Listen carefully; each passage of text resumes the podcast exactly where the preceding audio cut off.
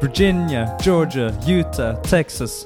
Forhåndsstemmene ruller inn, og kontroversene rundt presidentvalget kommer på løpende bånd. I Harris County har nå guvernøren sørget for at stemmekøene er lange, og det virker som om valget i USA nok en gang kan bli preget av kaos.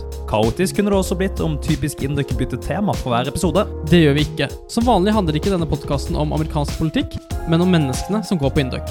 Hvem er de, hvilke historier kan de fortelle, og hvilke drømmer sitter de på? I dag får vi inn en gjest som bare oser av drømmer og visjoner, nemlig Julie Blakstad i første klasse. Hun har allerede plass på landslaget, men jobber hver dag for å bli verdens beste fotballspiller. Så velkommen til dere som har ikledd dere det norske flagget, og til dere som ga opp fotballdrømmen på barneskolen. Dette er Typisk Induk med Jakob og Håkon. Ai, ai, ai, velkommen, kjære lytter, og nok en gang må jeg bare si tusen takk for at dere har lyst til å høre på denne podkasten her. Vi er midt i oktober, og høsten har satt sitt preg på studenterbyen. Løvene i Norge har blitt røde og faller fra trærne, mens løvene i Afrika forblir oransjebrune og jakter byttedyr på savannen. Her er vi, og her er du, kjære lytter. Denne podkasten skal tilby deg en pause fra virkeligheten. Her får du lov til å forsvinne bort i et lite magisk mikrounivers uten at vi stiller noen krav eller forutsetninger til deg som lytter.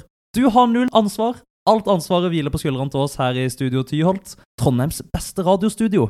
Vi snakker panoramautsikt, 124 meter ned til bakken og lyden av verdens beste jenter som spiser lunsj på Egon restaurant i etasjen under. Mitt navn er Jake, overfor meg sitter HMS. Eh, Nei, jeg tenker ikke på helse, miljø og sikkerhet, men min venn Håkon Melgaard Sveen. Hvordan går det med innlandsgutten? Åh, denne innlandsgutten skulle ønske han var en utenlandsgutt akkurat nå. Jeg har så lyst til å dra på ferie, men det går jo greit med meg. Deilig å være oppe og rulle igjen med ukentlige podkasts. Denne helgen hadde jeg besøk av familien min, og de møtte min kjæreste Amanda for aller første gang. Og det er jo en litt uh, skummel situasjon. Det første møtet, TM, det kan jo gå absolutt uh, alle veier, men det gikk veldig, veldig bra. Vi fikk uh, snakket om mangt og meget, en veldig god vei inn er at eh, min søster Marit er kjempeinteressert i strikking. Og det er jo også Amanda, så de har mye å snakke om allerede fra starten. Så det gikk veldig, veldig fint. Og Jake, hvordan går det med deg, da? Jo, det går uh, bare bra her. Jeg kan jo skyte inn at det at du fikk besøk av familien din her til Trondheim, det gagna også meg. Fordi eh, da din far og din svoger besøkte vårt kollektiv hjemme i Kjøpmannsgata, så oppdaga de et hull i veggen der vi to har vært litt tiltaksløse med dette hullet, så tok det bare noen timer før pappa Håkon hadde rensa, sparkla, pussa og malt, og veggen, den ble god som ny. Ellers kan jeg si at vi er i ferd med å ta opp nye spillere på Janus FK. Vi har et utsatt opptak, men nå skal endelig de nye førsteklassingene få lov til å vise seg fram for meg, og resten av styret i, i fotballaget. Ja, En dere gjerne skulle hatt med på opptakstrening, eh, er jo dagens gjest, men det spørs om hun kanskje har en litt for dyr utkjøpsklausul for en annen klubb her i byen. Men dagens episode er jo en vi har gledet til oss lenge. Absolutt, og dette her har vi prøvd å få til helt siden vi startet opp i høst. For det er ingen hemmelighet, Håkon, at vi to vi er ekstremt glade i verdens beste spill. Ja, jeg tenker på fotball. Fussball, soccer, lufot. Kjært barn har jo mange navn. Ja, Så mange navn har det kanskje ikke. Du sa bare samme navnet på tre forskjellige språk. Jeg kan prøve på nytt. Football, soccer, kjøttklubbing og Gravediggers Biscuit. Kjært barn har mange navn, og vi to har jo også én ting til felles. Vi prøvde jo begge aktivt å bli fotballspillere. Jakob, hvordan gikk egentlig karrieren din? Vel, eh, jeg begynte å spille med de som var ett år eldre, allerede som 13-åring. Ble tatt ut på kretslaget som 14-åring, og ga meg på kretslaget som 15-åring. Høydepunktet i karrieren det var å skåre på volley fra midtbanen i min siste offisielle juniorkamp i 2015. Og det ble faktisk filma av treneren til motstanderlaget, men han nekta å sende meg klippet da jeg kontakta han på mail dagen etter. er, det, er, det, sant? Det er sant, ja. Han nekta. Jeg skulle ikke se. Hvorfor det? Hvorfor det? Han ville ikke. Han unna meg det ikke. Sånn er det. Så i dag så er det studentfotball det går i. For min store barndomsdrøm var jo tross alt å bli kaptein for Janus FK. Hva med deg, Håkon? Hvordan gikk det med deg og karrieren din? Du, etter at Alexander Sørloth ble bytta ut i pause i åttendelsfinalen i gutter 19-NM mot Elverum, hvor da jeg spilte midtstopper og Sørloth spilte spiss, da tenkte jeg at dette går jo raka veien til Premier League. Og i dag så er han spiss på RB Leipzig og kosta 200 millioner kroner, mens jeg har fått fire hjernerystelser og kan aldri spille fotball igjen. Så hvor mye kosta du? Kosta null kroner. Null kroner? Verdiløs. Og nå er jeg invalid. Men selv om hjernen din har fått mye juling, så skjer det stadig en eller annen form for tankevirksomhet oppi topplokket, Håkon. Du reflekterer over en lav sko, en høy hatt og en bred frakk. Så det blir spennende å se om du i dag har på deg klovnenesa, eller om du har tatt på deg den seriøse blazeren, Håkon, fordi nå skal vi inn i Håkons refleksjon.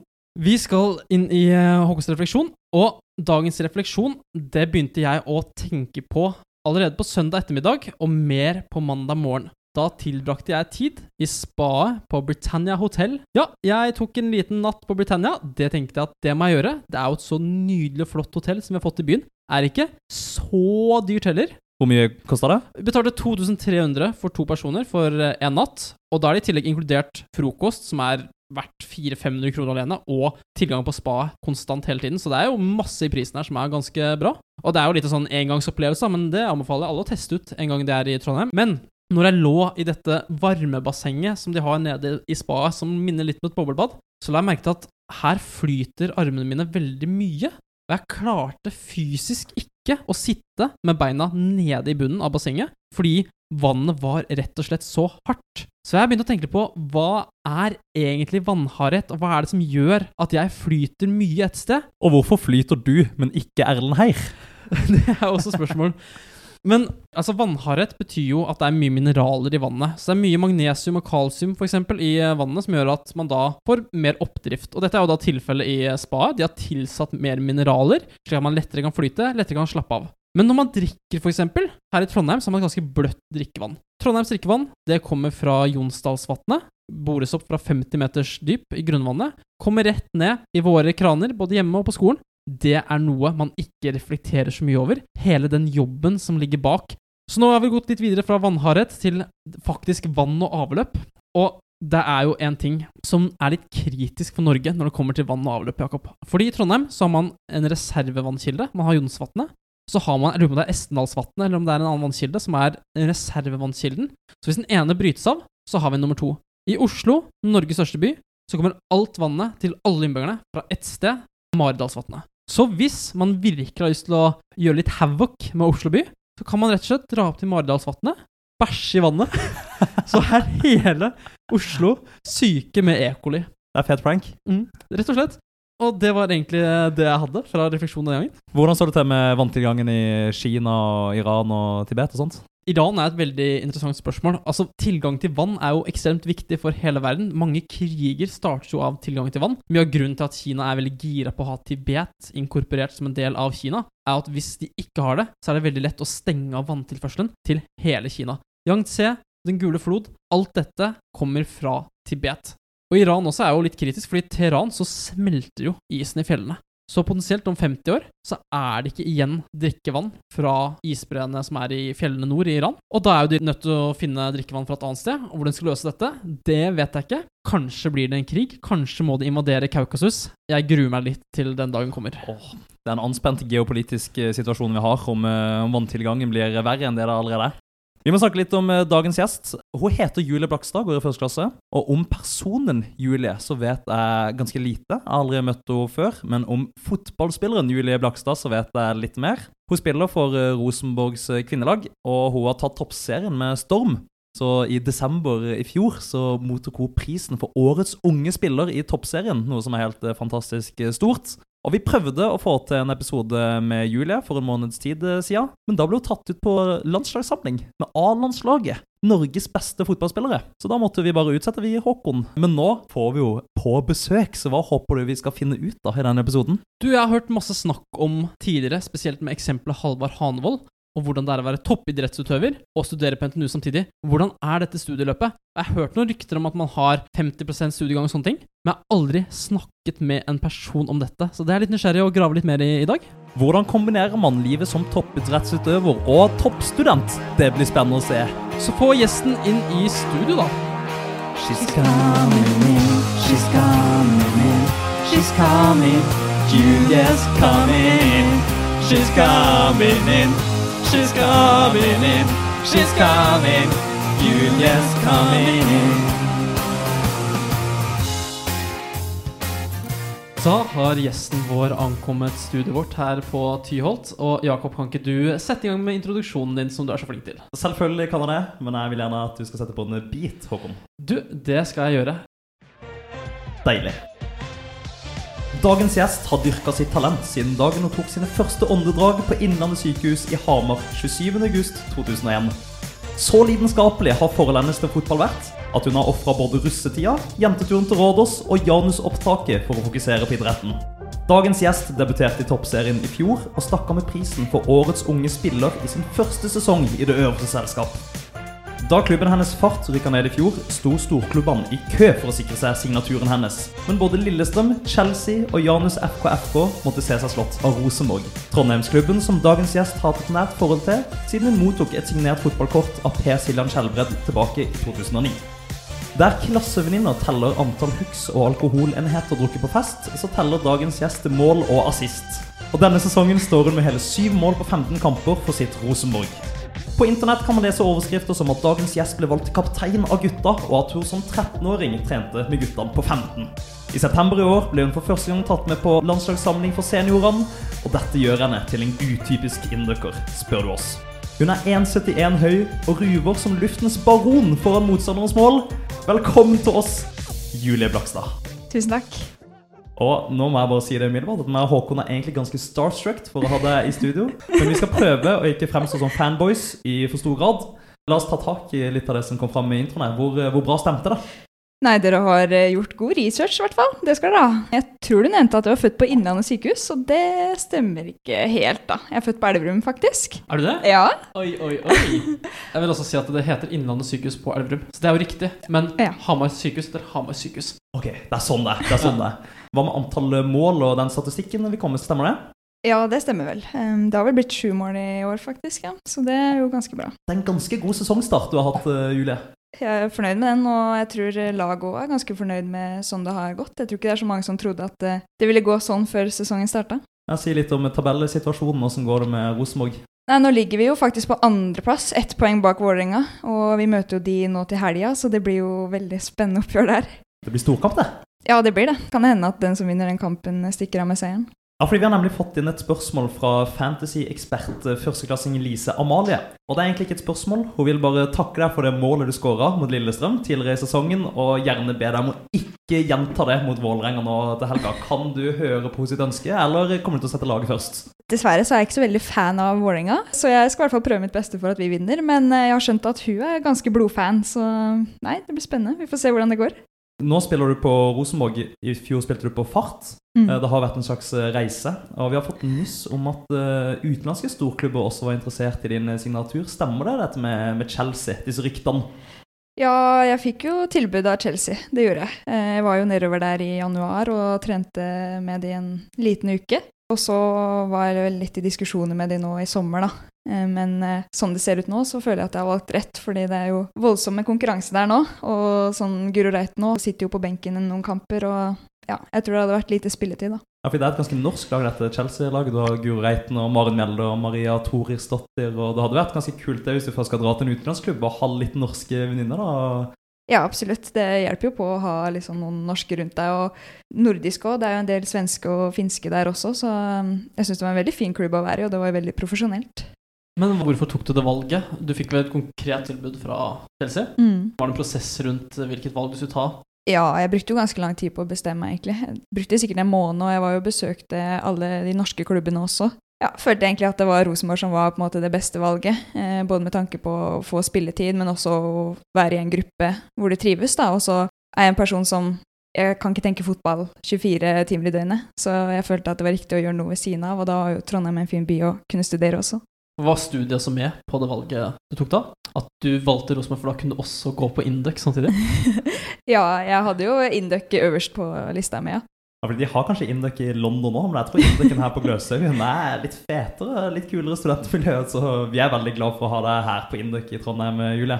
Jeg har også lest at du var veldig nær på å signere hos Lillestrøm. Eller at du faktisk ble klar for Lillestrøm, men at det var en eh, klage fra et motstanderlag som eh, gjorde at den overgangen ikke i vasken. Hva skjedde der? Ja, det var vel et utlån, da. eh, utgangspunktet jeg skulle på, for det gikk jo rimelig dårlig med fart eh, i fjor. Så på høsten her så var det vel snakk om de siste kampene da, som jeg skulle bli lånt ut. Så var det jo i boks, og det var jo lagt ut på sosiale medier og nett og alt sånn at eh, jeg hadde gått over. Og så fikk vi høre da at det var et annet lag som hadde sendt inn klage til NFF, og da måtte de ta en ekstra kikk i reglementet, og viste seg at eh, nei, det var visst ikke greit allikevel, da. Hva gikk den klagen på? Nei, fordi det var et lite sånn vindu, da. Det var jo egentlig utenfor det ordinære overgangsvinduet at jeg gikk, da. Regelen var på en måte at hvis det var til det beste for spillerens utvikling, så kunne jeg få lov til å gå. Og så mente jo den klubben her at ettersom jeg spilte på det nivået allerede, så var det ikke bedre for min utvikling å spille i Lillestrøm, selv om de leda og vi lå på sisteplass. Men det gikk jo fint. Jeg trivdes jo i fart, så det var jo ikke det, men jeg hadde nok fått uh, litt uh, morsommere kamper, da, om jeg hadde fått spille i siste Litt bedre lagvenninner. Ja. Men vet du hvilket lag det var som klagde? Ja, vi har vel en antakelse om hvem det var, men eh, det er vel egentlig NFF som har gjort en feil, da. Først sa de jo ja, fordi vi sjekka jo nøye opp det her med tanke på at det var liksom det lille vinduet, da. Så sa de jo ja, og så går de tilbake og sier nei, så det er vel egentlig de som har gjort feilen. NFF, ass. Jeg tror egentlig bare at NFF, akkurat som jeg og Håkon, bare vil det beste for deg og din utvikling, Julie. Helt klart. Ja, men Vi skal prate mer om det og om fotball og livet generelt senere. Men aller først så vil jeg bare si hjertelig velkommen til oss, Julie. Vi har eh, veldig lyst til å bli bedre kjent med deg, og det skal vi nå gjøre i spalten som vi kaller for 20 spørsmål. Så Jakob kommer til å stille deg noen enkle, før jeg stiller deg noen skreddersydde, kreative spørsmål som jeg virkelig gleder meg til å høre dine svar på. Ok, Julie, er du klar? Jepp. Ditt fulle navn, Julie Blakstad, alder, 19 år. klassetrinn, Første. Teknologiretning, Emil. ikke fotball. Fra hvilken by? Um, ja, by. Ottestad er vel ingen by, da, men da blir det vel Hamar. Sivil status? Singel. Introvert eller ekstrovert? Ekstrovert. Har du noen verv? Nei. Har du en jobb ved siden av studiet? Hvis fotball er en jobb, så jeg får jo penger av det, så det er vel en type jobb, da, i hvert fall. Høres ut som en jobb for meg. Ja, for lønn så er det en jobb. Det er drømmejobben. Det er drømmejobben binder deg det ikke kan gi deg. Hva hadde du studert om Induc ikke fantes? Det vet jeg faktisk ikke. Kanskje på Imperial College i London? Topp to hobbyer. Fotball og um, friluft. Ok. Og nå gjenstår det bare et par av våre faste spørsmål som vi gir til alle gjestene våre. Posisjon på banen, Midtbane. draktnummer. 41. Ditt største fotballforbilde. Ronaldo. Har du en favorittklubb i utlandet? United. Kjenner du noen av de norske landslagsgutta? Nei. Og så er det spørsmål fra Gaute Nepstad her. Kommer vi noen gang til å se deg i gult og svart igjen? Kanskje mot slutten av karrieren? Ja, skal ikke se bort ifra det. Det er fint det å runde av karrieren i, i moderklubben. Ja, det syns jeg. Og til slutt eh, fra meg, Julie. Ønsker du å bli verdens beste fotballspiller eller verdens flinkeste inndukker? Da må jeg nok si fotballspiller. Au. Håkon, kan ikke du sette i gang med noen kreative spørsmål? Det skal jeg gjøre. Første spørsmål. Julie, kan ikke du bare prøve å beskrive følelsen av det å sparke den lærkula i krysset? Ja, det var et uh, ganske vanskelig spørsmål. Jeg tror det er vanskelig å beskrive det. Vi har, uh, vi har faktisk et sånn kamerateam som driver og følger oss òg, stiller veldig mye sånne 'hvordan føles det?'-spørsmål. Og det er litt vanskelig å sette ord på det, men uh, det er deilig. Det er det i hvert fall. Så rett og slett, å sparke kula i krysset det kan ikke beskrives, det må oppleves. For Ja. de som klarer det, da. Mm. Men grunnen til at de spør om følelser, er fordi folk elsker å høre om følelser. Og det tror jeg er fordi følelser er så grunnleggende for mennesker. Det er det som skiller oss fra f.eks. meitemark. Det er at vi føler mye mer. Spørsmål nummer to. Mange mener fotball er den perfekte sport. Ja, det er en kontroversiell mening, men den meningen har mange, og vi må respektere den. Selv føler jeg at ting stadig er i utvikling, og det kan hende vi har nye regler om 100 år. Hva føler du fotballen mangler for å bli den perfekte sport? Er det noen nye regler som kunne vært kommet inn? F.eks. om man kunne skåret 0,1 mål da, ved å ta luka på en motspiller. På damesida har det vært snakk om å gjøre bana mindre og ballen lettere for at det skal bli litt mer attraktivt. Og det tror jeg kanskje ikke er så dum idé, fordi hvis du sammenligner på en måte med guttene, så er det jo mye lettere for de. De har jo mye mer fysiske forutsetninger da, for å kunne løpe lenger og sparke hardere. Det er et kjempekult aspekt som du tar opp der, og det er det mange som ikke på en måte har lengst framme i hjernebarken i det man ser på kvinnefotball. Men det er jo det at de spiller på en bane og liksom under de samme forutsetningene som menn. da.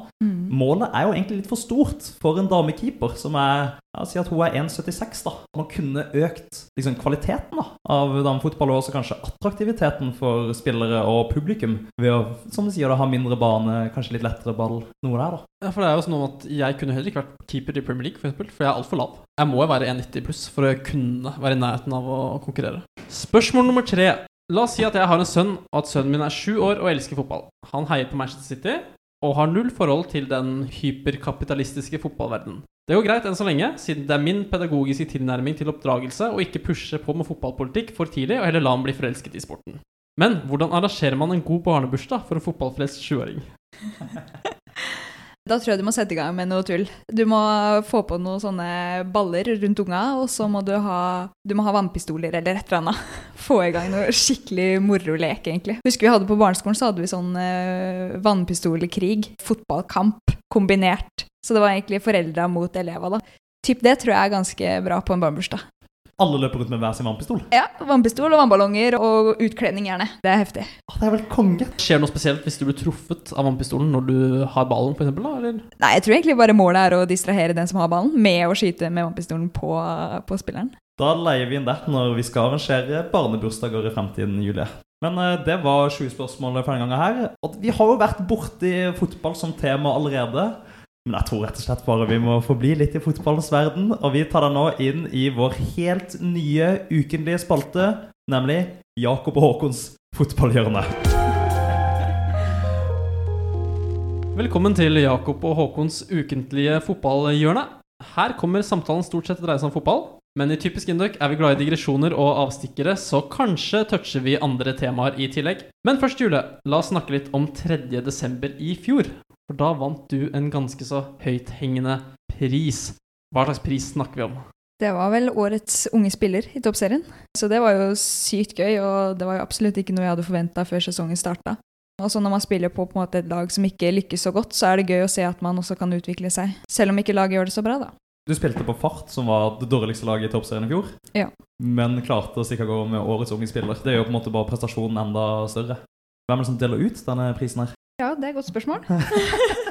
jeg fikk en fra NISO. NISO er vel spillernes pris. Ja. Så spillerne bestemmer hvem som skal få årets Ja. unge spiller. Så de stemmer på det internt mellom alle Ja. spillerne i toppserien. Åh, det er en kul pris å få, da. Hva var grunnen, tror du, til at du stakk om den eh, prisen der? Nei, det må jo ha vært at jeg har gjort det ganske bra, tror jeg. Føler på en måte at jeg er en spiller som jobber mye og, og legger ned mye meter. da. Det Jeg tror på en måte den innsatsen også har hjulpet meg. Men Hva betyr det for deg å vinne en sånn pris så tidlig i karrieren? Har det satt noe å si for eh, reisen videre, tror du? Det er jo selvfølgelig gøy, og man setter jo pris på når andre legger merke til det du gjør. At det ikke bare er for din egen gevinst, men at også mange andre syns det er gøy å se på. da. Det er jo på en måte en bekreftelse bare på at du gjør noe riktig, så det er jo veldig gøy. Merker du at du fikk en liten ny standing etter den prisen? der? Fikk du ekstra trykk fra media? Ekstra interesse fra nye klubber? Fikk du en høyere status i garderoben, eller hvordan påvirka det deg? Media merker man jo, spesielt i forbindelse med det arrangementet. da. Det var litt ekstra trøkk, men eh, det er jo egentlig bare gøy. Og så, jeg tror ikke lagvenninnene tenker noe annerledes på meg av den grunn, egentlig. Nei. Jeg er den samme, liksom. Det er gode gamle Julie Blakstad fra Ottestad her fortsatt. Ja, det er det. Men eh, du vant jo prisen på damesiden, og på herresiden så vant jo Håkon Evjen, som spilte i Bodø-Glimt da. Mm. Og han ble jo solgt til AZ Alkmaar for 25 millioner norske kroner. Vi lurer litt på, er det sannsynlig at det kommer en eller annen utenlandsklubb og snapper deg opp for 25 millioner kroner i løpet av uh, disse fem årene du går her? Kanskje ikke for 25 millioner kroner, men uh, skal ikke se bort fra at jeg havner i utlandet etter hvert. ja. Nå går jeg jo bare 50% studieløp også, så å bli her i ti år, det, det tror jeg blir litt lenge. Nei, vi får se. Det blir spennende. Jeg tenker Utdanning må heller være noe du kan falle tilbake på. Det er en del fotballspillere som driver med studier eh, på sida, kanskje enda mer hyppig på jentesida enn på herresida. da. Men hvordan er det med Mm. dine lagvenninner i Rosenborg? Har de deltidsjobb, eller studerer de, eller er de eh, 100% fotballspillere?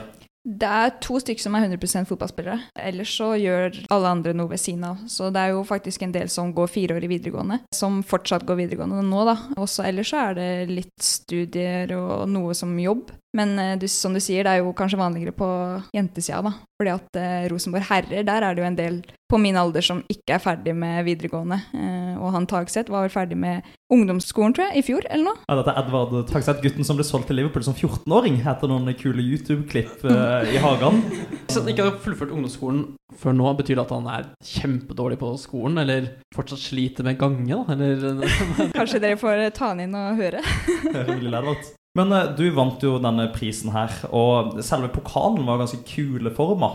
Og Den holdt du på scenen i et godt og fast grep, men jeg lurer på om du på noe tidspunkt vurderte å slippe kula, sånn som vi så Martine Lunde slapp kula i Paradise Hotel-finalen 2017? Nei, Jeg holdt ganske godt på den kula, men eh, det morsomme er jo at den eh, ble ikke med hjem. Nei! Den eh, ble stående igjen fordi at um, vi satt den jo på sånn brett da når vi var ferdig, så skulle slippe å gå og bære på den her hele kvelden. For den var jo litt tung, den kula. Og så kom jo de der, eh, de som kom og skulle servere drikke, og som kom med sånn tralle, da, så de plukka opp alle pokalene, og så skulle de kjøre ut i garderoben, da. Så kom jeg i garderoben etterpå og skal, ja, jeg skal ha med meg kula hjem, da. Eh, og Må ha med kula hjem. Ja, må ha med kula. og så spør jeg ja, jeg heter Julie Blakstad, og det skal stå navnet på den kula. Så går han bak i frakkene der, da. Nei, her var det ikke noe kule med navnet mitt på, da. Og da viser det seg at treneren til Lillestrøm har tatt med seg den hjem. Hæ? Fordi hun vant jo årets trener, så hun har tatt med seg feil kule. På peisen til Lillestrøm-treneren så står pokalen din. Ja, nå var den jo faktisk Den kom jo på Ullevål igjen nå, og så skulle jeg jo få den med meg hjem etter landslagssamlinga nå, da. Og nå er den hos ei spiller på Vålerenga. Dette er jo definisjonen av en vandrepokal. Ja. Skal du ha den i studenthybelen din her i Trondheim, eller skal den stå hjemme i Ottestad? Jeg sliter litt med å få den hit, da, for det, den er litt tung, og så er det litt eh, knølete å ha den som håndbagasje òg, for du kan jo ikke akkurat putte den i bagasjen, da knuser den jo, så den blir nok fort stående på Otstad. Kan mor og far passe på den til Ja. du flytter hjem og skal avslutte karrieren i Ottestad? Ja. Nei, men Det var litt om denne prisen her. Den syns meg og Håkon var helt sjuk. Skal prate litt om, eh, om Rosenborg. Fordi Rosenborg kvinner er et ganske nytt prosjekt. Og nå er det ganske mange norske toppklubber som har kasta seg på kvinnefotballen. Du har eh, Strømsgodset og Ålesund og Vålerenga og en del andre lag. da. Men eh, kan du fortelle litt om prosjektet dere har gående i Rosenborg? Ja, vi merker jo det at det satses jo mer enn når det var Trondheimsøren, og det er jo litt rart egentlig, for det er jo mange av de samme spillerne, men, men bare fordi vi bytta navn, så er det plutselig mye mer oppmerksomhet blant folket, da. Og det er jo litt kult, men det er jo også litt rart at, at bare et navn kan gjøre så mye. Vi merker jo det både på treninger og, og ellers, at det, det satses mer, og vi får jo mat ofte etter trening og har videomøter og sånn, så det, det er jo gøy å se at det også begynner å bli bedre i Norge. Er det henta en del nye spillere òg? Satses det tyngre sportslig? Ja, siden De har bl.a. henta Julie Blakstad fra. Ja, de har jo fått inn Lisa Marie Utland og Kristine Minde òg. Og det er jo to landslagsspillere som har vært veldig etablerte. Så det er jo klart at å få inn sånne spillere i treningsgruppa har jo noe å si for eh, nivået. Jeg glemmer aldri når jeg så Kristine Minde vinne EM-sølv i 2013. Stort øyeblikk. Hvor mange landslagsspillere er det på Rosenborg nå? Det er tre da som skal på samling nå neste gang. Altså det er deg, Minde og Utland? Ja. For en trio. Dere heter eh, Rosenborg. Spiller dere på Lerkendal, eller skjer ting på, nede på Lade på Koteng Arena? Jeg skulle gjerne ønske at vi fikk spille på Lerkendal, men eh, det er ikke kommet så langt dessverre ennå. Så vi får håpe at eh, det kan endre seg litt i framtida, for den eh, bana på Koteng den er ikke særlig god. Nei, jeg skjønner ikke hvorfor dere ikke spiller på Lerkendal. jeg. Nei, det er vel fordi de er redd for at bana skal bli for mye brukt, da. Eller ødelagt, eller noe sånt. Ja, og jenter de er så hardhendte på baner. Og... Nå snakka vi litt eh, om eh, Rosenborgs herrelag, og her på Induc så er det jo ganske tett forbindelse mellom Janus FK, guttelaget, og Janus FK, FK, jentelaget. Vi har en del lagfester sammen, og vi deler ballnett og, og litt sånne ting. Så jeg lurer på om, om dere er forbundet herrelag på en måte?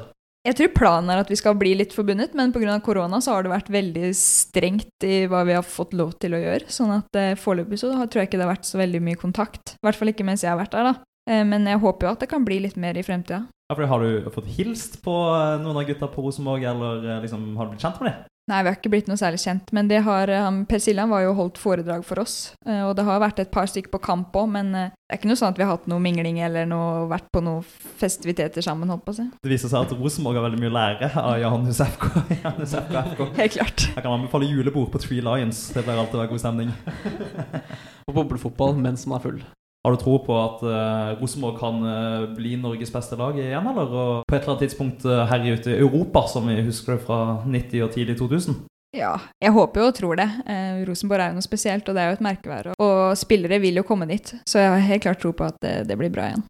Vi får vel se litt på Rosenborg kvinner, se hvordan dere gjør det. Dunker inn mål der og ligger som nummer to på tabellen. På samme måte som dere har leid inn Per Siljan, så kan eh, Rosenborg herrer leie inn Julie Blakstad. Kanskje hun kan lære litt om spill i bakrom og, og tikki-taka og noen brassespark. Så kan du inspirere gutta litt. Vi skal gå videre i et litt eh, mer generelt tema, nemlig å snakke om damefotball. Og damefotball har jo tidvis vært litt kontroversielt noen ganger, selv om det ikke trenger å være det. Men det er i hvert fall at mange venner opp igjennom man har snakket mye negativt om damefotball. Da. Så jeg lurer på hvordan synes du det står til med kvinnefotball generelt i dag? Jeg syns det har blitt mye bedre, og det syns jo på en måte utad også. Og så er det jo en, selvfølgelig en lang vei å gå, men det er jo mange der ute som skriver på en måte negative ting om kvinnefotball og syns det er kjedelig å se på, men jeg tror ofte det har med at man sammenligner det med hvordan det er å se på herrefotball. Og det er jo ikke nødvendigvis sånn at man burde gjøre det, for i håndball f.eks. så kan du synes det er gøy å se på kvinner spille håndball uten at de nødvendigvis er like gode som herrene. Sånn at jeg tror kanskje det ligger mye der at, at man ofte skal sammenligne mot hverandre. da. Ada Hegberg skal liksom være like god som Ronaldo, ellers så, ellers så er det kjedelig. Jeg så selv på VM i 2019. Mm. Da var jo Norge med og gjorde en veldig god figur. Og da ble det jo et voldsomt trøkk liksom her hjemme og også sikkert på den internasjonale arenaen. Folk syntes det var gøy å Mm. følge med på det norske damenlandslaget. Og det var en del profiler der med Caroline Graham Hansen fulgte vi med på. og Alle disse Chelsea-jentene. og liksom, Der klarte de å mobilisere. Avisene meldte seg på, og folk satt hjemme i stua. Da, og, og så da, Mm. da var det jo kult med damefotball. Ja, absolutt. Og jeg tror at mesterskapet ofte er viktig da, for, å, for å fronte kvinnefotballen. Og man merker jo det bare at mediene skriver mer om det, så blir det jo mer interesse òg. For det er, jo ikke, det er jo ikke alltid at folk får med seg at det er samling engang, fordi at det ikke skrives om noen steder, liksom. Det har vært en stor utvikling de siste ti årene, f.eks. Jeg så på faktisk på noen klipp fra OL i 2000, da Norge vant gull da. Og jeg tenkte at oi, shit, dette så virkelig gammelt ut. Dette var enorm forskjell fra de 20 årene. Men har det skjedd ting de siste ti årene også? Ja, jeg har ikke fulgt sånn veldig nøye med på en måte hva som er endringen, men eh, sånn da jeg spilte da jeg var liten, da, i Ottestad, så merker jo det at forskjellen fra hvordan det var når jeg var liten der, hvor de på en måte starta opp med å satse litt mer på jentefotball. Man starta jo opp med et sånn prosjekt om at jentene skulle satses på like mye som gutta der, da, og det var på en måte en femårsplan. Og siden den gang og til nå, så tror jeg at jentene som er der nå, eh, føler på en måte mye mer at de er verdsatt enn det de som var før meg, da. Det begynner jo kanskje litt eh, der, da, på grasrotnivå liksom, i de lokale klubbene. At det må satses på jentefotball i, i Mm. ungdommen, eh, liksom. Men så er det jo et eller annet med at det er så mye penger i herrefotballen, og ganske lite penger i damefotball. Mm. Så jeg tror nok det gapet der også er med på å liksom, løfte fram herrefotballen som et forholdsvis bedre produkt. da. Mm. Men du snakka i stad om eh, håndball. Det har vært mer oppmerksomhet til norske håndballandslaget, damelandslaget, versus herrelandslaget. Og det for deg kommer litt tilbake til det vi nevnte i stad, med at målene er like store på fotballbanen, og at man har den samme størrelsen på banen. Mitt take da på håndball, så er det at når man får herrehåndball, så er den banen egentlig litt liten for herrene. Så det blir veldig det blir lite, litt bevegelse, veldig sånn mye rå kraft og mye hvor hardt man skyter, hvor eh, man kommer i skuddposisjon, så er det greit nok. Mens på damesiden så får man mer tydelig rullespill og Mm. mer, mer synlig taktikk noen ganger. da. Vi kan jo spørre litt om disse ideene om å ha mindre mål. Og gjøre. Er det noe du er for i utgangspunktet? Ja, jeg tror det. det. Det blir nok litt rart for oss som er vant til på en måte å spille på elvebane med, med samme ball og store mål, men eh, på sikt så tror jeg nok at det kan i hvert fall fremme produktet kvinnefotball da, for de som ser på. Det vil jo bli litt vanskelig i praksis, kanskje. Jenter liksom skal ha egne dedikerte baner. At det må lages nye baner som er litt mindre. Det vil se litt rart ut hvis dere spiller på Lerkendal, og så må dere skyve 11 mål opp til 16-meteren og spille på den. Men det å bytte ut noen mål For det er jo ofte keeperne som får pepper, da, at de er litt små og slipper inn litt enkle mål. Mm. Når VM for kvinner ble arrangert for første gang, i 1991, så varte kampene i 80 minutter. Så det var et sånt tiltak som skulle tilrettelegge litt, da. Ja, det er vel også snakka om at man kanskje kan spille effektiv tid, da, sånn som du gjør i håndball, fordi at det, Det er fryktelig fan Jeg er så, jeg er så for, men det er for på alle sider. Ja, ja. Herreside og som dameside. ja. Bare fått vekk drøying av tid og den pakka der. Men uh, bare for å avslutte dette med damefotball, så er jo ikke på en måte publikumsinteressen så stor i Norge. Jeg vet ikke hvor mange som ser på når dere spiller på, på Koteng Arena. Hva, hva snitter det på som publikumsmessig? Nå er det dessverre bare 200 som kan komme, da. Men jeg tror nok at vi skulle klart å fylle opp Koteng. Men det er jo ikke plass til sånn voldsomt mange. Det er vel 500-600 da kanskje det er plass til. Ja. Men jeg har jo sett eh, klipp fra litt lenger eh, sør på kontinentet. Når Juventus eksempel eh, slo Fiorentina tidligere i år, så var det 44 000 tilskuere som Mm. så dette her, da. Og digga det. Det ble en helt annen atmosfære da, enn det man er vant til å kanskje se fra kvinnefotballen. Kan man få til noe sånt også i Norge? Og vet du om det jobbes for å øke publikumsinteressen? Jeg tror det jobbes for å øke det, og det handler jo mye om medier, tror jeg. Eh, Men eh, om man kan få 44 000 på kamp, det tror jeg er litt vanskelig. Ja, Det er vel ikke noen arenaer i Norge som har kapasitet. Nei, jeg vet ikke. Ullevål, hvor mange har de? Ja? Jeg tror det er 24 eller noe sånt? 25? Ja. Noe der. Eller to, 200 da, i, i disse tider. Da tenker vi å gå litt videre inn i eh, praten om landslaget. Altså det å spille fotball med det norske flagget på sitt bryst. Og Julie, vi må bare si fra oss begge gratulerer så mye med å bli tatt ut til første samling med A-landslaget. Nei, ikke B, C eller D-landslaget. Snakker vi om A-landslaget. Hvordan var det å spille fotball med landets beste fotballspillere? Det var sjukt gøy. Som du sier, det er jo på en måte de beste du får tak i her i Norge, da. Og det er jo spillere som har spilt mange år i utlandet og vet hva det er å spille på det øverste nivået. Så det er gode referanser. Hvordan følte du det gikk, og lærte du noe nytt? Ja, jeg følte det egentlig det gikk ganske bra. Og så Det blir jo litt annerledes enn hva du er vant til på aldersbestemte landslag. da. Og man, det er egentlig litt som å være student. Du må ta litt mer ansvar selv. Legge litt mer opp til at du gjør på en måte det du føler er riktig for deg. da. Det var spennende, og det var gøy å få den sjansen til å være med. Det gikk sikkert bra fordi du har erfaring med det å være student. Så du har fått vært Litt erfaring i hvert fall. Og så er det jo en ny samling nå på mandag, faktisk. Og da er det jo først en kamp på Ullevål mot Hviterussland, og så skal vi til Wales og spille mot Wales.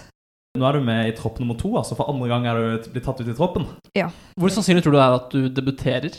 Det er vanskelig å si. Han bytter ikke så veldig mye på laget. Men uh, nå er det jo, det er jo en EM-kvalifisering, og de mangler vel ett poeng da, for å kvalifisere oss til EM. Sånn at eh, på de to kampene så er det jo en mulighet for at man prøver litt nye spillere. Fordi Norge har vel vunnet fem av fem kamper hit i EM-kvalifiseringa. Ja. EM skulle vel blitt arrangert neste sommer, men stemmer det at det har blitt utsatt? Ja, det er utsatt i 2022 pga. herrene sitt er utsatt et år, og så da måtte de utsette damene et år. Men da får du på en måte bare ett år mer utvikling, og kan jo da være med i elveren når Norge skal vinne EM-gull i 2022. Ja, det må jo være målet, det. Du, Vi har faktisk fått et spørsmål fra landslagsback Kristine Minde. Og ja da, for det er også din kollega i RPK. Kan du si såpass at det var jeg som kontakta henne, ikke hun som kontakta oss? Det må du ikke røpe. Klipp det vekk. Klipp det bort. Men eh, det første Kristine skriver, da, er at Julie klarte seg veldig bra på første landslagssamling, og at det er fullt fortjent at hun nå også er med på neste. Og så sier Kristine videre at hun ga deg en utfordring på første samling. Så hun spør da kommer Julie til å gjennomføre utfordringa jeg ga henne, eller må jeg øke premien? Så da må vi spørre hva gikk denne utfordringa ut på? Ja, det var vel egentlig i utgangspunktet første eller andre treninga som var dealen, da. Eh, at jeg skulle ta luka på Karoline Graham Hansen. Luka på Karoline Graham Hansen. ja, for jeg pleier å kødde litt med Minde på trening og sånn, bare gå forbi og liksom sentre mellom beina på henne, på en måte. Og hun blir jo skikkelig irritert, og da sa hun at hvis jeg gjorde det på Karo, da så skulle jeg få en is, eller det var et eller annet sånn. En is av den premien er ikke skyhøy. Nei, hun kan godt øke premiepotten hvis det er det hun har lyst til. Har du gått inn for å klare dette her da, idet dere satte i gang med noe firkantet boksspill før treninga begynte? Sørga du da for å havne i samme boks som Karoline Hansen og, og gikk for luka, eller? Jeg feiga vel litt eh, ut der, eh, men eh, ja, det kommer en ny mulighet nå, da, så kanskje jeg skal prøve. Du vil liksom ikke komme på feil fot med største stjerna på laget heller. Det er litt uh, dumt kanskje å ta luka uh, første kvarter på første landslagssamling. Jeg har mest det hadde vært veldig gøy om du gjorde det etter at man har hatt et spillesession, så går man mot benken eller går mot uh, drikkeplassen, for eksempel, og så bare kommer snikende forbi og så får ta luka på det da. Ja, det var jo det som var på en måte planen, da. Å bare gå og så bare trille ballen igjennom. Det kan være litt mer planlagt enn i en firkant. Men Da gleder vi oss til å høre historien om den første luka du slår på Karoline Graham Hansen. Hun er sinnssykt god til å trikse. Jeg har sett en uh, Nicolay Ramm-sketsj eller seanse med det. Det er å trikse seg gjennom hele NRK-bygget uten å miste kula en eneste gang. Vi har faktisk fått et spørsmål fra vår venn Håkon Collett i 5. klasse, som spør om hva din trikserekord er. Triksekongen Julie Bløgstad. Ja, nei, jeg er jo ikke noen triksekonge akkurat, men uh, det er lenge siden jeg har telt, altså. Men jeg, det siste jeg kan huske, i hvert fall er noe sånn 895, tror jeg. Oi, oi, oi, det er, det er decent. Ja, men det er ikke fire sifra. Nei, det er litt svakt. Jeg burde kommet over 1000. Jeg har personlig aldri vært noe glad i trikset trikse selv. Syns det har vært dritkjedelig hele tiden. Samme. Jeg er skikkelig dårlig. Men Håkon prøvde å trikse litt med dorull gjennom koronaperioden. Men vi var altså så dårlige. Jeg fikk det ikke til. Kaster du deg på den trenden selv, eller? Tester du ut? Jeg måtte vel teste ut. Det var vel de fleste i Norge som måtte det. Noe måtte man jo finne på. Ja. Ja, var gikk det? Det var ikke sånn fryktelig bra. Jeg så jo folk som tok eh, tre jorda rundt og snurra rundt her og der og la den på nakken og hele pakka, men eh, det holdt for meg å trikse et par ganger, ja. Men Håkon vil gi deg en challenge at på neste landslagssamling så skal du slå luka på Karoline Graham med en bassrull i garderoben etter kamp. Og da blir det to is. Da blir det to is for. To is. To is. De som er gode til å trikse, verdens beste triksere, de er jo ikke gode i fotball. De går på NTNU også. Går En på medisin og en på Emil. De er tvillinger. Nei, brødre. Ja, det er familievenner av dere. Ja, familien oss. De er verdens beste triksere. Verdens beste. Ja, verdens beste. ja. De er sjuke. De øver på sitt Gløshaugen i hallen iblant, så jeg har sett de øve der. Og det er sånn, Da står de på hodet og tar liksom jorda rundt mens de er og, ja. Det sykeste du ser på YouTube, da, det er de. Det er jo sjukt kult, og det er jo veldig sånn show. Hvis du er fotballspiller, på en måte, så er det mye mer show å være trikser enn å være fotballspiller. Når du skal bli annonsert som Barcelonas nye spiller Julie, og kommer da på et fullsatt kamp nå og får en ball i beina og skal vise deg fram litt, det er det gøy å kunne jorda rundt og et par andre triks. Ja, jeg tror jeg må øve litt til eh, eventuelt det skulle skje, ja. Men Håkon, vi har vært i kontakt med trener eh, Sjøgren òg, landslagstrener Mm, Sjøgren. Og vi spurte han litt om eh, deg, Julie. Han sier da at, eh, at Julie er et veldig stort talent, og nå har hun tatt et steg til. Hun har hatt en veldig god sesong og viser modenhet i spillet. Fysisk ligger hun langt framme, og hun viser god spillforståelse. Det skader heller ikke at hun er venstrebeint. Sannheten er at dette er et sitat fra avisa. Vi har ikke vært i dialog med han, men uh, dette er altså ord fra landslagstrener Sjøgren om det. Altså Bare for to år siden så spilte du for Ottestad nede i divisjonssystemet. Nå har du blitt uh, løfta fram av landslagstreneren. Har du liksom alltid, har du vært klar over ditt potensial? Eh, Jeg har vært god ganske lenge, og jeg spilte jo tidlig med guttespillere, da. Sånn at jeg har jo hele tida jobba for å nå dit jeg er i dag, og jeg jobber jo fortsatt for å utvikle meg. Sånn at eh, jeg har vel egentlig alltid hatt troa på at jeg kan bli god, men så er det jo hva man orker å legge ned, og hvor mye trening man gjør, da. Det er mange gode som f.eks. for eksempel slutter av en skade eller mister litt interessen i det blir for intenst. Men har du aldri på en måte vært innom de tankene der? da? Har du alltid stått på og chasa drømmen din? Ja, jeg har alltid stått på, men det er jo perioder hvor jeg tenker at eh, jeg lever egentlig sykt kjedelig liv. jeg står jo bare oppe og spiser frokost og drar på trening, og, og så jobber jeg med skole, liksom. Og så drar jeg på trening, og så legger jeg meg. Ok, ja, fordi Da har du nemlig svart på et lytterspørsmål fra Mari Horpestad i første klasse. Hvordan ser en vanlig dag ut for eh, Julie Blakstad? Ja, det er basically det det går i, ja. Det var ganske kjedelig, ja. Ja, det er, det er jo ganske kjedelig, og hvis du spør hvem som helst andre, så vil de jo si at jeg lever et sykt kjedelig liv, liksom, men det er, jo, det er jo det jeg vil, og jeg får jo aldri den muligheten igjen, på en måte. Jeg har jo nok av innhold, men det gjør jo også at jeg ikke får tid til på en måte så mye annet, og det kjenner jeg jo litt på sånn som når jeg er her, da, at eh, jeg har jo ikke fått tid til å være med på noe av det sosiale på en måte som er på Induct, da, så det er jo en ting man velger bort, da, i den forstand at du får ikke tid til det, men samtidig så tenker jeg at den muligheten kommer igjen, på en måte. Har dere altså sånn veldig strenge restitusjonskrav? At dere må hvile i bestemte perioder? Det er ikke sånn du må hvile fra da til da, på en måte. Men eh, han ene treneren der, eller han som er keepertrener, har jo laget sånn Satt opp noen oppskrifter, og vi får jo før hver kamp så får vi jo på en måte to dager i forkant. Du skal drikke så og så mye, du skal spise da og da, du skal gå en tur da og da, liksom. Så det er jo ganske sånn fast program, da. Følger også keeperne den eh, planen der? Jeg håper det. Tenker at Som keeper så må du jo ikke være sånn hvile så mye, må man ikke det? Keeper er jo en spesiell rase innenfor fotballen, og det liker de gjerne å understreke selv. Ja, det er jeg helt enig. Jeg kjenner ganske mange keepere, og de fleste av de har et eller annet spesielt ved seg. Og de har det, ja. Ja. Du, La oss eh, bare fullføre dette med landslaget. Fordi Det norske landslaget det huser stjerner som eh, Karoline Graham Hansen, Ingrid Sierstad Engen, Maren Mjelde og, og mange mange flere. Men den største av de alle, Ada Hegerberg, hun er jo fortsatt ikke å se. Det er vanskelig kanskje å uttale seg om, men for vi som har en drøm om å se Ada Hegerberg og søster Andrine Hegerberg i landslagsdrakta igjen, har du tro på at det kan skje, eller? Det er vel veldig mange som har prøvd å uttale seg om den saken her og har mye meninger. For å være helt ærlig så er jeg usikker. Hun virka ikke som at hun hadde så mye plan om å komme tilbake igjen eh, når hun ga seg da i 2017, men eh, jeg håper jo at hun vil komme tilbake. Per def så er hun jo Norges beste fotballspiller. Ja, om ikke verdens beste fotballspiller. Ja, hun har jo blitt kåra til det òg. Klart at det vil jo være en forsterkning for landslaget. Og så på en måte handler det jo også om at det skal være et lag rundt der, sånn at hun må jo også trives. Så jeg vet ikke. Jeg har jo faktisk møtt eh, Ada Var jo på en fotballskole med Ada og Andrine. De ville ikke ta opp den saken igjen, da. Og jeg tror de har måttet svare veldig mange ganger på de spørsmåla, så jeg tror vel egentlig det ikke er så mange som vet begge sider av den saken, da, egentlig. Men Har du lov til å snakke om det? Om jeg har lov til å snakke om det? Ja. Eh, ja, jeg kan jo si mine meninger om det. Jeg lurer på om det liksom var en munnkurv til de andre på landslaget. At det var sånn Nei, dette, ikke gå ut og snakke for mye om dette i media. Ja, det kan godt hende at de som var rundt den saken da, ikke har snakka så mye om det, på en måte, bare latt det ligge. Men om det er for dems egen del eller for Adas del, det vet jeg ikke. Jeg har litt ønskelig litt å få munnkurv selv, jeg. Jeg synes det er litt fett. Hvis kunne sagt sånn ja, Håkon, dette har ikke du lov til å snakke om. Det er en slags følelse av makt at du sitter på informasjon som andre ikke skal få lov til å få. Så folk spør sånn Ja, har du gjort øving eh, sju liksom i optimering? Så jeg har ikke lov til å snakke om det. Så munnkurv fra fagstaben. Nei, Vi får satse på at, eh, at de finner ut av det. Jeg drømmer om å se Ada Hegerberg sette den lærkula i krysset i EM-finalen 2022 på assist fra Julie Blakstad. Det blir helt sjukt. og med det så tror jeg vi sier at det var det vi hadde her i Jakob og Håkons eh, fotballhjørne. Nå skal vi ta en helomvending. Eller en Croif-finte, som jeg liker å si. Vi må snakke litt om Induk. Dette er Induk-spalten, og velkommen skal dere være, både lyttere og Julie. Og her er vi også fryktelig nysgjerrige på deg. Og Vi kan starte med det første spørsmålet. Hvorfor valgte du Induc?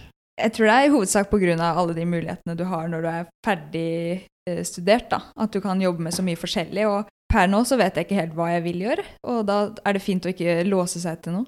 Hvordan eh, fant du ut at Induc eh, fantes? Det var vel stefaren min som jobber i et firma hvor de har ansatt en del indukkere. Kan jeg spørre hvordan jobber? EI. Hey, ah, Var det ikke noen som fikk et jobbtilbud fra EI? ja, for ikke lenge det siden? var, jeg fikk et lite jobbtilbud fra EU. Men eh, kjenner du noen som går på Induk nå, eller har gått på Induk hjemmefra, eller fra fotballsammenheng, eller noe sånt? Nei, jeg kjente ingen før jeg kom hit. Hvordan har det vært da, de eh, to månedene du har gått på Induc? Du har vel eh, måttet ofre både litt forelesninger og en del sosialt, men har du en formening om hvordan eh, oppstarten har vært? Ja, jeg syns at det er sjukt mye hyggelige folk, i hvert fall. Og jeg ble litt overraska, for alle er så sykt utadvendt, og det er på en måte lett å bli kjent med folk, da. Og det er veldig bra når du kommer til et nytt sted hvor du ikke kjenner så mange, at man tar veldig initiativ for å bli kjent. Så det syns jeg er veldig positivt. Kunne du bli med på noe i fadderuka, f.eks.? Jeg var vel med på to ting. Det var vel eh, Hippie Hunt og også den presentasjonen av de linjeforeningene dere var det er for noe. Så det var ikke så voldsomt mye, men Du ville få med deg pitchen fra Janus FKFK for å se Ja, ja, ja. Har dere alkoholforbud, f.eks. nå i sesong? I sesong så drikker vi ikke, nei. Men uh, vi hadde jo lagfest på en måte når vi har frihelg, da. Og da er det greit, på en måte. For da er det to helger mellom at vi spiller kamp, da. Men da var det jo landslagssamling, så da ble det ikke noe drikking da heller. Men uh, får komme sterkere tilbake når det er offseason. Du kan legge ut på sånn ny på Induc 2020. Hei, nå er jeg offseason og vil gjerne ha en fest. Fint at noen har arrangert noe.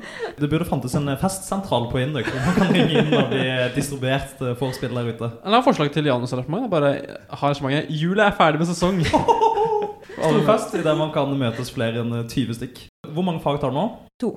Og det er ITGK og matte 1. Og hvordan liker du ITGK og matte 1? ITGK er egentlig litt overraskende spennende, for jeg er ikke noe veldig sånn datafan, egentlig. Jeg er ikke noe veldig god på data og interesserer meg ikke så veldig for det, men eh, det er i hvert fall gøy når du får det til, og så er det frustrerende når det er vanskelig, da. Og matten syns jeg er rimelig vanskelig.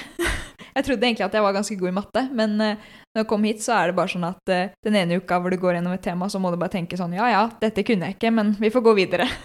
Man må rett og slett bare gå videre. Men du har jo 50 studieproduksjon. Mm. Er det på neste vår da skal du da, da ta to vårfag, eller tar man da de to andre høstfagene og får de på våren igjen? Det er jeg faktisk litt usikker på hvordan det fungerer, men jeg regner nesten med at jeg må ta to vårfag. For det er vel ingen som går de samme faga på våren som de har hatt på høsten. Følger du undervisning, eller driver du stort sett bare med egen studie? Nei, det går jo stort sett fint å følge undervisning nå, da, for nå er det jo én forelesning på skolen i løpet av uka, og ellers er jo alt nettbasert. Og så legger de jo ut videoopptak òg, så det er jo veldig ålreit at man kan se det ikke nødvendigvis akkurat når det spilles inn, men at du kan se det litt i ettertid. Ja, for det er kanskje mer fleksibelt i år. Det er jo et aspekt å tenke på. at Det er enklere å være toppidrettsutøver eh, nå enn det det pleier, kanskje. Ja, sånn sett så har korona passa fint med tanke på det. Men med den planen her blir det da er åtte år, men når prosjektoppgave og master kommer, så må man jo Så langt har jeg ikke tenkt. Og jeg tror egentlig aldri du trenger å tenke på dette her. Nei, du Fordi innen, innen, det, innen du skal skrive prosjektoppgave, så spiller du i Barcelona og har løfta VM-pokalen for Norge. Så det Ok, Julie, vi liker å snakke litt om drømmer her i Typisk Indeks. Vi pleier å spørre gjesten hvor gjesten er om ti år. Hvor er du om ti år? Jeg håper at jeg kommer meg ut i Europa og har vært med i noen mesterskap med Norge. Og jeg håper jo egentlig at vi klarer å ta medalje i mesterskapet òg. Det hadde jo vært drømmen. Men eh, om ti år, det er ganske langt fram i tid. da. Kanskje jeg har begynt å tenke litt på familie og runde av litt karriere nå. Eh, vet ikke. Hvor gammel er jeg da? Da er jeg 29, da. Quick maths. Ja. Da er du 29 og har opplevd alt som går an som uh, fotballspiller. Men når skal du fullføre Induc-ranen din, da? Slutt å snakke om det! Kommer ikke til å fullføre Induc-ranen. Med den hastigheten jeg går i nå, så blir det jo når jeg er 30 år, da. Hvilket land skulle du gjerne likt å spille fotball i? Er vi i England? Her skal vi til Spania? Tyskland? Hva tror du? Sånn det ser ut nå, så tror jeg kanskje England er den beste ligaen, i hvert fall. Så jeg tror kanskje det hadde vært noe kult. Og så er det jo gode lag både i Spania og Tyskland nå, så jeg har egentlig ikke noe sånn land jeg har veldig lyst til å spille i, på en måte. Men vi får se hva slags klubb som eventuelt blir aktuell, da. Men er den engelske ligaen bedre enn den franske nå? Jeg tror altså, at det er jevnere, jevnere liga. Fordi at i Frankrike så har du jo Lyon, og så har du et par lag til som ligger oppi der. Men Det er jo mange av kampene som Lyon vinner 7-8-0. Sånn at jeg tror bunnivået der kanskje er lavere enn bunnivået i England. Men det er jo, det er jo forskjeller der òg, selvfølgelig. Men jeg tror nok at det er flere gode lag, da. Hvor gode er norske lag i forhold til engelske lag? Altså, Vålerenga slo Manchester United i fjor, f.eks. Ja, jeg tenkte faktisk litt på det her om dagen, fordi United har gjort det ganske bra nå. Så jeg stussa litt over det, men eh, etter min erfaring i hvert fall, så er det stor forskjell, da. Du ser jo det at det var vel Lillestrøm som på en måte har gjort det best ut i Europa i de siste åra, men de er jo et stykke unna å prestere helt topp fortsatt. De venter bare på din signering, de.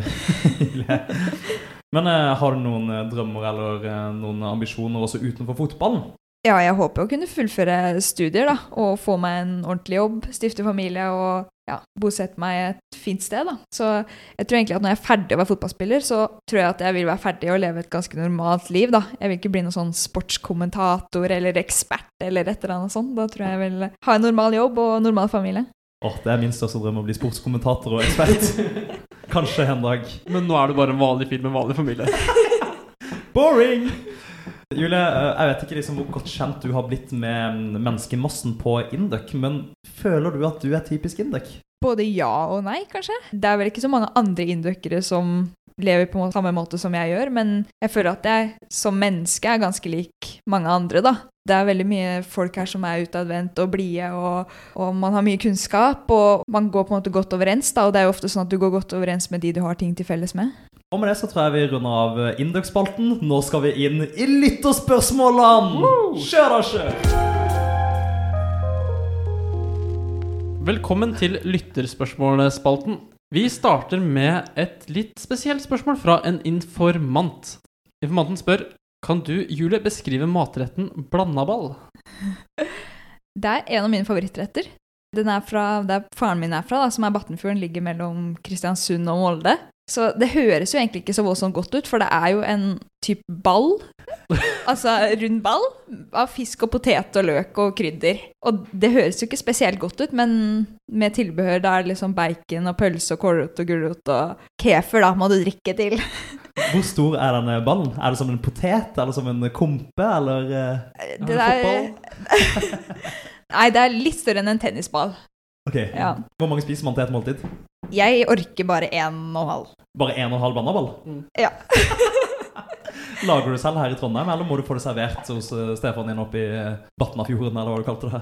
Ja, det er faren min som bor der, da, faktisk. Men uh, det lager jeg ikke selv. Jeg har lagd det selv én gang, og det ble ikke i nærheten av så godt som du får det, da. Det ble dårlig blandaball. ja. Men han lager det ikke, han heller, da. Så det er kjøpt av ei sånn ja, sikkert en gammel bestemor som bor, bor ute der og selger det billig. Hva er yndlingen din av blandaball og fotball? Fotball. og innball. innball. Du, Vi går videre til neste spørsmål. Det kommer fra en anonym uh, andreklassing som spør uh, er Julie Blakstad på Tinder. Nei. Kommer hun til å teste ut Tinder her i Trondheim-byen, eller? Vanskelig å si. Foreløpig nei. nei, nei. Vi tar neste spørsmål. Det kommer fra Mari. og Hun spør hvordan du kobler av fra fotball og studier. Eller bruker du fotballen til å koble av fra studier, og studier til å koble av fra fotballen?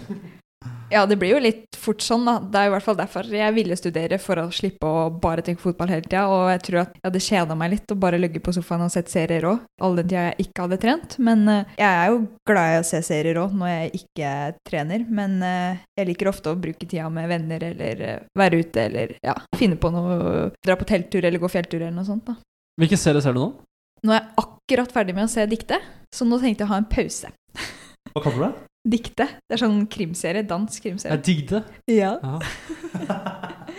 kan du anbefale det? Jeg kan anbefale det, men det er ikke nødvendigvis alle andre som syns det er bra. Men jeg er ganske fan av sånn krim, da. Eh, ikke noe sånn Game of Thrones-type. Hvor får vi sett denne da, Julie? Det må du informere om. Netflix. Jeg er veldig glad i krim selv, eh, særlig true crime. Både i TV-serieformat og podkastformat. Nå så jeg nylig Marianne-saken fra 1981 på TV2 Sumo. Å, jeg syns det er så gøy! Det er så spennende! Jeg har faktisk hørt den podkasten litt. Det er ganske spennende, men det er nesten litt skummelt. Fordi det er jo ekte. Det er fryktelig skummelt. Ja. Og jeg liker gjerne å høre på dette her når jeg er alene på telttur. I hengekøyetur. Og da blir jeg livredd. Da kan det være opptil tre på natta. Sover alltid med kniv i baklomma. Vi går videre til et nytt spørsmål fra samme person.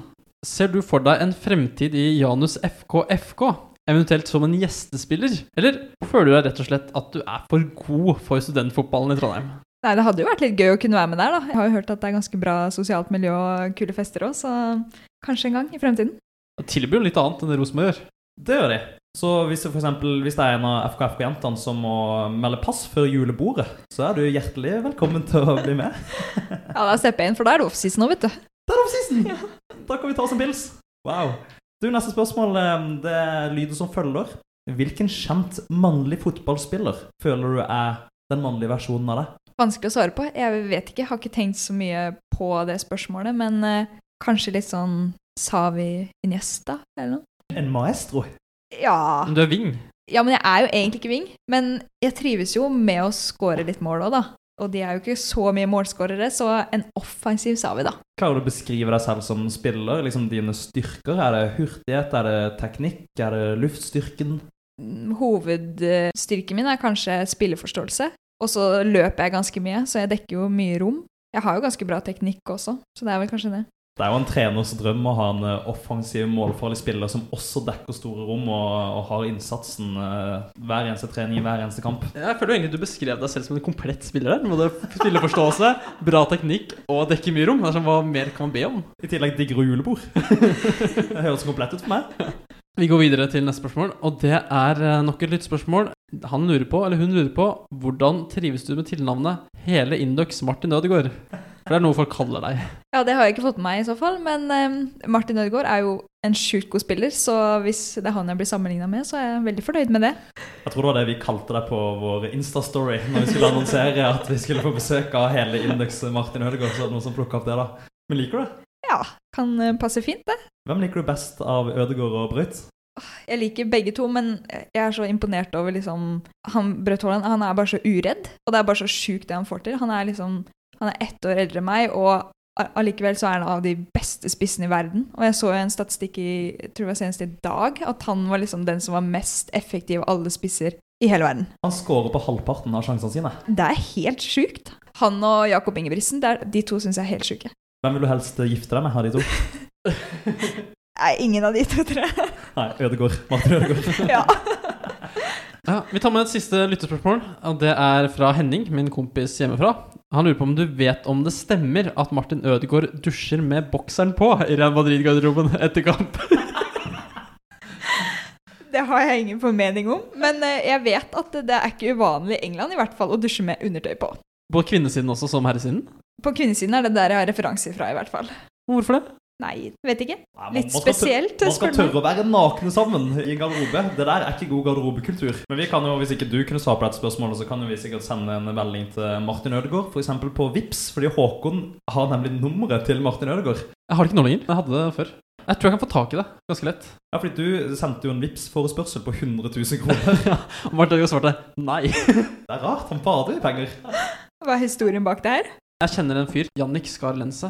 Søskenbarnet hans er jente som er sånn samme alder med Martin Ødegaard. Hun var kjæresten til Martin i en ganske lang periode. Så Jannik hadde fått nummeret til Martin på en eller annen sammenheng. Så var sånn Her har jeg nummeret til Martin Ødegaard. Og så sendte vi han en remix request. Du, jeg tror at eh, vi runder av lytterspørsmålsspalten der, og så går vi inn i avslutninga. Og her i avslutninga så liker vi å spørre gjesten om de har noen siste tanker eh, eller ord de har lyst til å dele. Men jeg må først spørre deg, Julie. Hvordan syns du denne praten her eh, har vært? Nei, det har vært veldig gøy. Ja, jeg føler på en måte i hvert fall at eh, folk blir litt bedre kjent med meg, da. Så håper jeg jo at man kan bruke litt tid på å bli bedre kjent også utenfor den podkasten her. Det er jo en fin eh, oppfordring her. Det er bare å ta tak i Julie hvis vi ser henne i forelesning eller på, på vei til trening. Så kan vi kanskje oppfordre folk til å arrangere en Julie er ferdig med sesongfest da, når den tid kommer. Det syns vi. Men har du noen siste ord du har lyst til å si til de der ute? Nei, jeg syns egentlig at vi har fått tatt en fin prat og snakka om det meste. Det syns jeg òg, men det er én ting jeg gjerne skulle ønske at du sa. Så for at du skal si dette, så tror jeg du bare må lese et notat jeg har skrevet på min eh, mobil i sinne i går kveld. Så hvis du bare leser dette høyt, Julie, så tror jeg det blir helt konge. Mitt navn er Julie Blakstad, og jeg vil bare gi en liten melding til noen av mine lagvenninner. Jeg digger miljøet vi har i klubben, og jeg syns dere har tatt meg veldig godt imot. Likevel er det to ting jeg ønsker å ta opp med dere her og nå, fordi jeg mener at en offentlig podkast er den beste arenaen for å ta opp konflikter. Nummer én. Cecilie Andreassen og Marit Klausen burde sentre til meg mye oftere. Jeg er stort sett alltid ledig, og hver gang jeg får ballen, så blir det farlig. Nummer to. Jeg syns det er veldig kjipt at verken Lisa Marie Utland eller Elin Sørum svarte Jakob på Instagram når han spurte dere om tips og lyttespørsmål før jeg skulle være gjest i podkasten. Hvis dere hadde bare svart Jakob, så ville innholdet i podkasten vært mye mer lættis. Hvis det gjentar seg at dere ikke backer meg før fremtidig medieoppdrag, så kommer jeg til å ta det opp med styreleder Ivar Koteng, som igjen kommer til å ta det opp med kantinepersonellet, som igjen kommer til å gi dere mindre og litt kaldere lunsj- og middagsporsjoner fremover. Jeg håper dette var en klar og tydelig beskjed. Så ses vi på treningsfeltet i morgen. Love you all. Let's play some ball. Å, så deilig å høre deg si det, Julie. Du tenker akkurat det samme som meg. Mine damer og herrer, dette var Julie Blakstad fra Ottestad, nå Inducker, Indøks heteste stjerne. Gi henne en stor applaus og ønsker lykke til på veien videre mot verdenstoppen. Heia, Julie! Hey, Julie, Julie, Julie. Woo, woo. Let's play some ball. I love you all. Okay.